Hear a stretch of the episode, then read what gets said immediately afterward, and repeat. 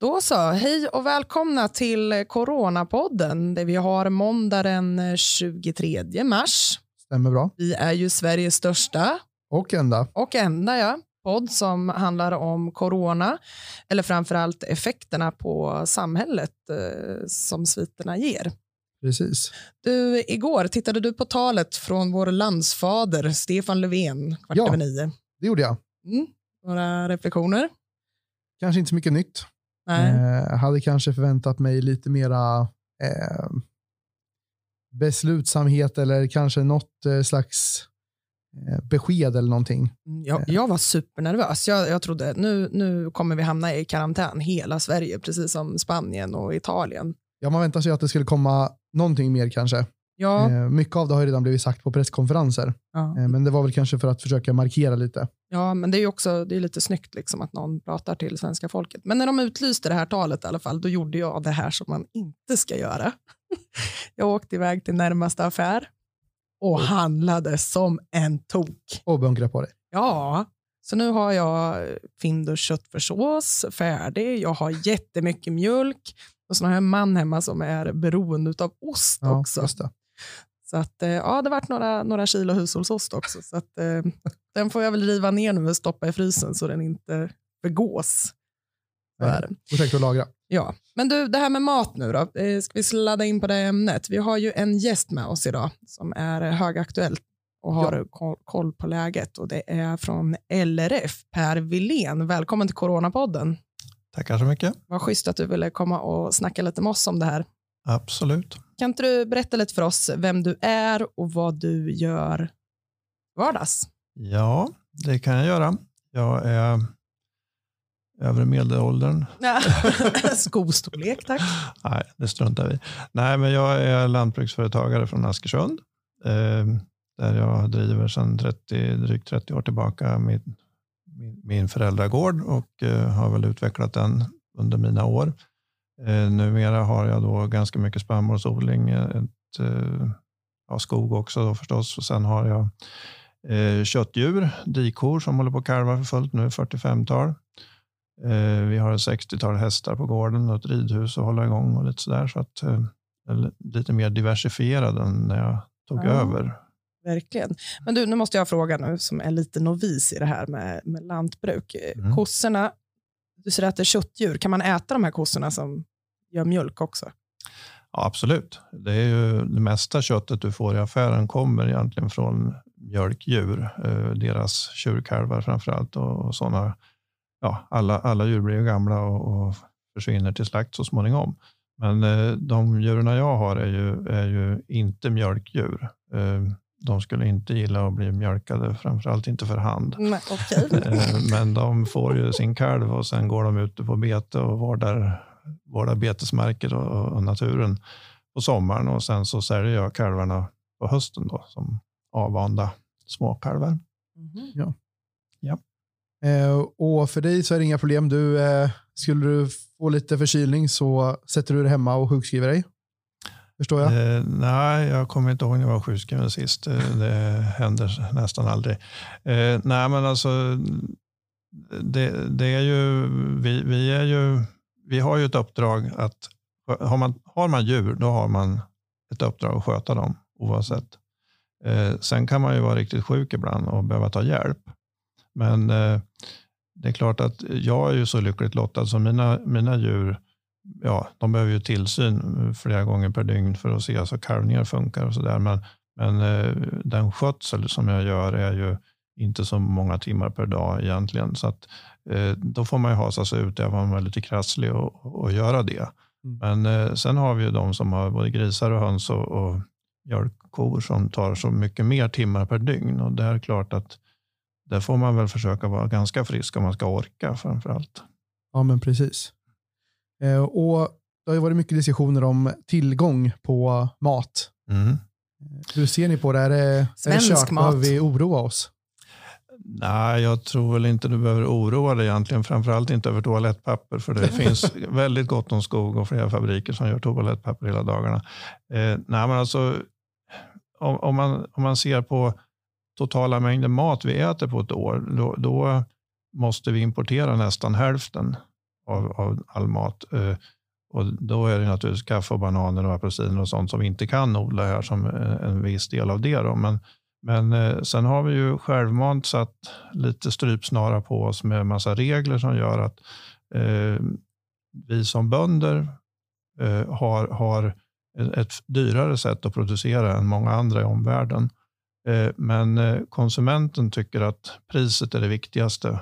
För många konsumenter är priset det viktigaste. Och alltså köper vi mycket import istället för vårt eget. Och Det gör ju då att vår egen produktion har successivt slagits ut lite grann under EU-tiden kan jag säga. När frihandeln har, har liksom grasserat lite grann. Så att eh, vi skulle kunna producera mer än vad vi gör. Eh, och Det är lite frustrerande att, att sitta bakbunden av regler som, som gör att vi själva konkurrerar ut oss. Mm. Eh, det är lite dumt, men eh, egentligen är jag inte orolig för att ni ska behöva svälta. Nej, eh, Vissa varor kommer kanske att, att bli lite fattigare på, så att säga. men, men nu går vi in i en odlingssäsong där jag hoppas att vi kan vara så friska, så att, eller vi måste se till så att vi är så friska så att vi liksom sätter, sår alla grödor som ska, sätter potatis, sätter grönsaker i, i marken och får det att växa. Så att jag, det, är ju, det är ju en flödesproduktion som lever med naturen. Och Det gör ju att vi kan ju inte säga att Nej, men nu är det coronatider, nu ställer vi in allt arbete till mm. första juli, då börjar vi. Liksom, då har växtsäsongen redan gått förbi delvis. Så att vi måste ju se till så att vi har ruljangs på det här hela tiden. Både djuren måste skötas varje dag och växterna måste skötas efter säsong. Så att säga. Och Det här med priser, det finns väl en gammal story om folk som går in på affären och sen ska de hitta riktigt billigt kött. Eh, gärna något, någon fläskytterfilé som det, som mm. det heter mm. och gärna från något annat land. Eh, och sen går man in på bolaget mm. eh, och sen tar man riktigt dyrt vin. Precis. Vi har ett lite knepigt synsätt på det här med, med vad vi stoppar i oss. Det kan jag hålla med om. Men eh, vi kan väl försöka att få coronan att hjälpa oss att tänka till och, och ändra lite på det. Då. Ja men precis, för coronan eh, som, som det säger hade ju inte funnits om eh, djurhållning och livsmedelshållning i ett annat land som börjar på K och slutar på INA hade hanterats på ett bättre sätt. Finns det vissa som säger. Det är väl sannolikt så. Mm. Och långt ifrån där är vi ju här i Sverige där det är väldigt, väldigt hårda riktlinjer. Ja, jo, men det är ju det vi har och, och, och, det är vi stolta över. Inte själva riktlinjerna kanske, utan snarare att vi har väldigt duktiga bönder som är medvetna och, och ligger i världstopp både vad gäller klimat, eh, klimatvänlighet och miljövänlighet och djurvänlighet. Så att säga. Mm. Vi, alltså, det är ju en, en konstig syn på att, att vi skulle eh, nå framgång genom att missköta både natur och djur. Alltså, det finns ingen som helst ekonomi i det. Eh, utan det gäller ju att sköta allting så bra som möjligt för att det långsiktigt ska vara god ekonomi. Och, och där, är, där är vi ju inte oense med lagstiftarna, utan vi vill, ju, vi vill ju det här själva. Men det finns mycket dumma regler som vi skulle vilja ha bort för att liksom kunna producera ännu mer. Och sen en köptrohet från konsumenter. Konsumenten är ganska okej okay faktiskt, men däremot industri och restauranger är mer tveksamma. Det är priset som avgör väldigt mycket mer där. Vad är det för eh, regel som man skulle kunna ta bort? Då, om du kan nämna en det är så mycket byråkrati. Alltså vi, jag tror vi har, om, om du startar ett lantbruksföretag så har du helt plötsligt 460-470 regler som du måste förhålla dig till varje dag. Mm. Förutom vanliga grundlagar och sånt där. Och, och inte bryta mot uh, brottslighet. Så. Men, men alltså, så mycket detaljstyrning. Nu, nu håller faktiskt staten på att förstå det här lite grann så man lägger om en del regler för att bli mer målstyrda. Det är inte, det är inte millimeter i en box som avgör, utan det är hur djuren mår som är, är det viktiga. Och Det gör att, att eh, då kan man göra på flera olika sätt och samtidigt nå samma resultat. Mm. Eh, nu är det väldigt uppstyrt att det är så här det ska vara, säger staten. Mm. Och, och, Det gör ju att glädjen att vara bonde och, och Eh, initiativrikedomen hos företagaren dämpas hela tiden. Och då eh, får man ju en lite sämre framtidstro och avstår en del investeringar. Eh, det är inte lika roligt att driva företag helt enkelt om man blir för återhållsam med, eller åter, tillbakahållen ska jag kalla det, av regler. Nej, så är det såklart. Men ser ni några andrahandseffekter? Då? Ni har ju också underleverantörer till er på gårdarna eh, när det dras ner i produktion och så vidare. Jag tänker på maskiner som ska servas och reservdelar. Den stora, stora problemet just nu Eh, är väl eh, arbetskraft för grönsaksbransch och, och de som liksom är igång nu vår solen börjar, då ska man sätta planter och ska ut i och ska ja. börja rensas och gallras. Och det bygger ju mycket på invandrad eh, arbetskraft, helt enkelt säsongsarbetare. Ja. Jag läste att, man inte, att det inte blir några jordgubbar i sommar. Jordgubbarna? Ja, alltså säg att i, i teorin så skulle ju de som är friställda från hotell och restaurang eller något annat kunna gå ut i jordgubbsfälten och, och, och sköta det istället då, om vi vore smarta. Men i praktiken funkar det ju inte riktigt så. Eh, man kan inte tvinga någon att göra det den inte vill göra. Och, och plocka jordgubbar är ju inte något glamoröst yrke, så därför har det blivit mycket stat. Fast det är ju ändå ett arbete. Det är ett arbete. Och det är många som kommer ju, att stå utan nu. Så Det där är ju något man verkligen kan fundera över. Ja, det är ett om, bra tips. Ja, men om man nu står inför någon slags omställning, att man har blivit antingen eh, fått gå från jobbet eller gått ner i tid. Mm. Vart vänder man sig då? Är det att försöka hitta upp någon lokal bonde och fråga vad man kan hjälpa till med? Ja, det är väl fritt fram att göra det. Uh, absolut. Vi lägger Så. ut ditt mobilnummer här på vår Facebook efter. Sen kan man tänka att det skulle vara en typisk uppgift för Arbetsförmedlingen, men, men eh, det är inte säkert det funkar så. Nej. Nej. Och sen så kom det häromdagen ett eh, beslut om att just livsmedelsproduktionen klassas som en eh, samhällsviktig. Mm. Vad innebär det för, för bönder? Det innebär jättemycket. Eh, inte för mig kanske som är självverksam, då, så att säga. jag har inga anställda. Men eh, jag har redan blivit uppringd av, av eh, en större djurgård med, som har grisar och de, eh, deras anställda som jobbar i, i svinhusen där hade fått propåer om att eventuellt skulle dagis behöva stängas. Och Det blir ju förödande om vederbörande måste vara hemma därför att ta hand om sina barn. Eh, självklart ska man ta hand om sina barn, men är man frisk för övrigt så, att säga, så, så det är dagiset som har stängt av någon annan orsak. Då, I och med att man är samhällsviktig så kommer man ju in i det här eh, rullen att, att då måste kommunen försöka lösa dagisplatsen så att vederbörande kan jobba. För att det är viktigt att få fram mat i det här läget. Vet ni ifall det är på väg några, någon vad man säga, särlagstiftning eller någon, någon krislagstiftning för att ni ska kunna fortsätta verksamheten utöver förskoleverksamheten? Nej, inte som jag vet idag, utan eh, det, det som, det, det, handlar ju om, om eh, sunt förnuft och välvilja. Alltså, du var inne på det nyss, vi pratade arbetskraft, men även maskiner, reservdelar, väldigt mycket sådana saker kommer utifrån. Det handlar ju om att låta sådana transporter komma igenom de här stängda gränserna som finns överallt. Alltså, det handlar om sunt förnuft. Som där. Man måste ju se att en, en, en större maskin som gör väldigt mycket arbete ska inte behöva stå still av en liten skitgrej som ligger på, på posten någonstans så att säga, i något annat land på väg hit. Då måste man ju försöka se att just den smittar inte utan nu måste vi skicka den på något sätt och, och försöka vara pragmatisk som det heter. Men är det tid nu för bönderna och svensk produktion att få den höga status och ställning som de förtjänar? Ja, det hoppas ju jag. Alltså, man ska ju inte önska, önska en sån här situation naturligtvis. Det är inte det vi gör. Men, men eh, det är symboliskt väldigt viktigt att ha blivit samhällsviktig. Det har vi, ju vi tyckt alltid. att Äter gör vi ju tre gånger om dagen de flesta av oss. Oavsett vad vi äter så äter vi. Eh, det är väldigt lite mat som inte härstammar från någon form av jordbruk eh, som råvara i någon form. Så att säga. Om det inte är våra egna bönder så är det någon annan bonde någonstans som har producerat själva råvaran. Och det är väl ganska självklart att det är en viktig samhällsfunktion. Eh, och då, om vi nu har fått ögonen på det, att vi kanske behöver ha bättre beredskap. Det behöver inte betyda att det ska bli krig. Det räcker med ett litet virus för att vi ska eh, bli, bli liksom lite strandsatta här.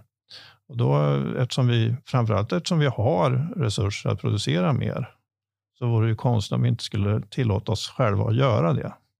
Så jag hoppas att eh, baksidan på den här medaljen så att säga, är att vi får se eh, svenska lantbruket med andra ögon och får eh, lite mer glada tillrop än bara bli kallad för miljö, miljöbovar, djurplågare och annat. Mm. Du ser när det blir jordgubbssäsongen, det är då den kommer, och Ja, kommer bli då applåder. ställs det på sin spets verkligen. Igen, Jordgubbarna är viktiga för Ja, svenska det är de. folket. Är det? Eh, vi ska ju träffa i eh, morgon eh, Maggan Lind, hon är gymnasielärare. Eh, Mm. De har ju fått eh, ställa om till eh, distansundervisning till stor del. Mm. Och som av en händelse så hade ju ni nyligen eh, ett, eh, en regionstämma Jajamän. som var digital. Ja. Kan du berätta hur gick det?